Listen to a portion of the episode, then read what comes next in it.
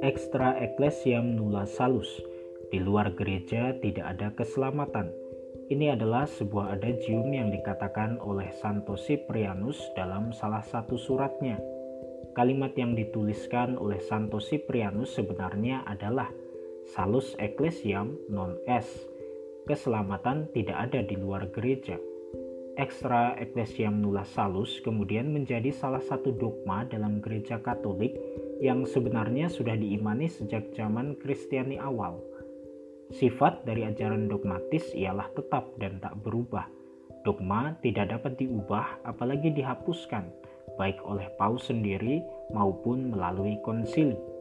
Bila demikian, apakah berarti gereja Katolik tidak mengakui bahwa keselamatan dapat diperoleh dalam agama-agama lainnya?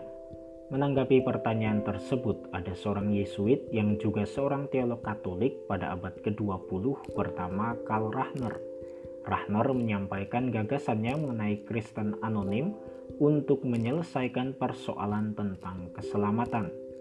Menurut Rahner, Kristen anonim merujuk pada seseorang yang percaya pada ajaran Yesus Kristus, tetapi tidak terkait dengan agama yang terorganisasi.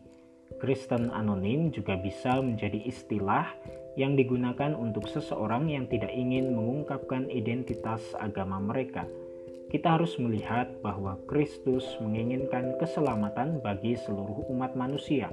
Yesus Kristus mati di kayu salib untuk keselamatan semua orang, bahkan orang-orang yang tidak menyadarinya masih akan diselamatkan. Ini berarti bahwa orang-orang non-Kristen yang berada di surga pasti telah menerima rahmat Kristus tanpa mereka sadari. Keselamatan memang hanya bisa datang melalui Kristus tetapi Allah memberikan keselamatan kepada orang-orang non-Kristen melalui budaya dan agama mereka sendiri. Mereka yang menerima tawaran ini adalah orang-orang Kristen anonim.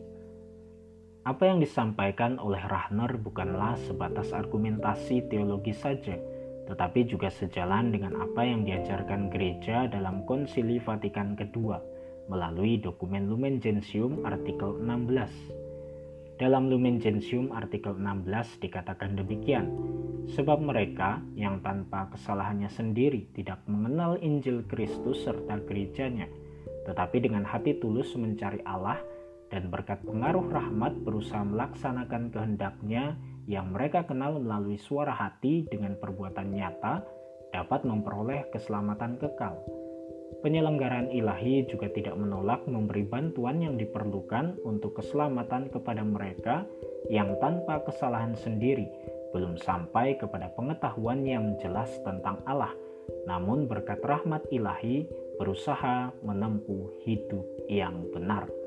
Akan tetapi, bukan berarti kemudian kita membiarkan diri tidak mengimani Kristus dalam ajaran Katolik karena dalam Lumen Gentium artikel 14 dikatakan pula bahwa andai kata ada orang yang benar-benar tahu bahwa gereja Katolik itu didirikan oleh Allah melalui Yesus Kristus sebagai upaya yang perlu, namun tidak mau masuk ke dalamnya atau tetap tinggal di dalamnya, ia tidak dapat diselamatkan. Jadi, mereka yang sudah memiliki pengetahuan bahwa keselamatan diperoleh melalui Kristus dan gereja adalah sarana yang disediakan oleh Allah, tetapi justru murtad atau meninggalkan gereja dengan jelas dinyatakan, sebagaimana dikatakan dalam Lumen Gentium artikel 14 tadi. Ia tidak dapat diselamatkan.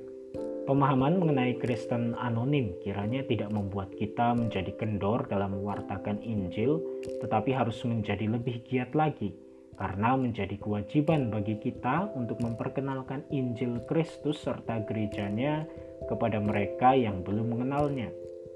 Hal ini juga disampaikan oleh Paus Paulus ke-6 melalui imbauan apostolik Evangelii Nunciandi nomor 53 bahwa penghormatan maupun penghargaan terhadap agama-agama lain, demikian pula kompleksnya masalah-masalah yang muncul, bukanlah suatu alasan bagi gereja untuk tidak mewartakan Yesus Kristus kepada orang-orang bukan Kristen, karena mereka pun berhak untuk mengetahui kekayaan misteri Kristus.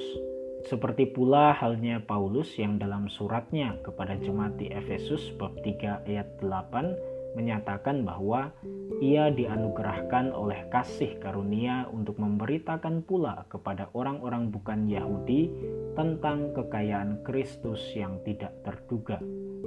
Poinnya adalah keselamatan diberikan oleh Allah kepada semua manusia melalui pengenalan dan penerimaan akan Kristus sebab Kristus adalah jalan kebenaran dan hidup.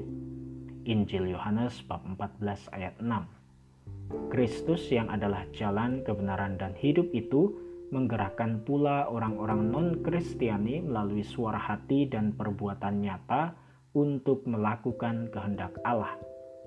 Maka menjadi tugas kita lah untuk membantu orang-orang yang demikian untuk mengenali Kristus melalui gerejanya.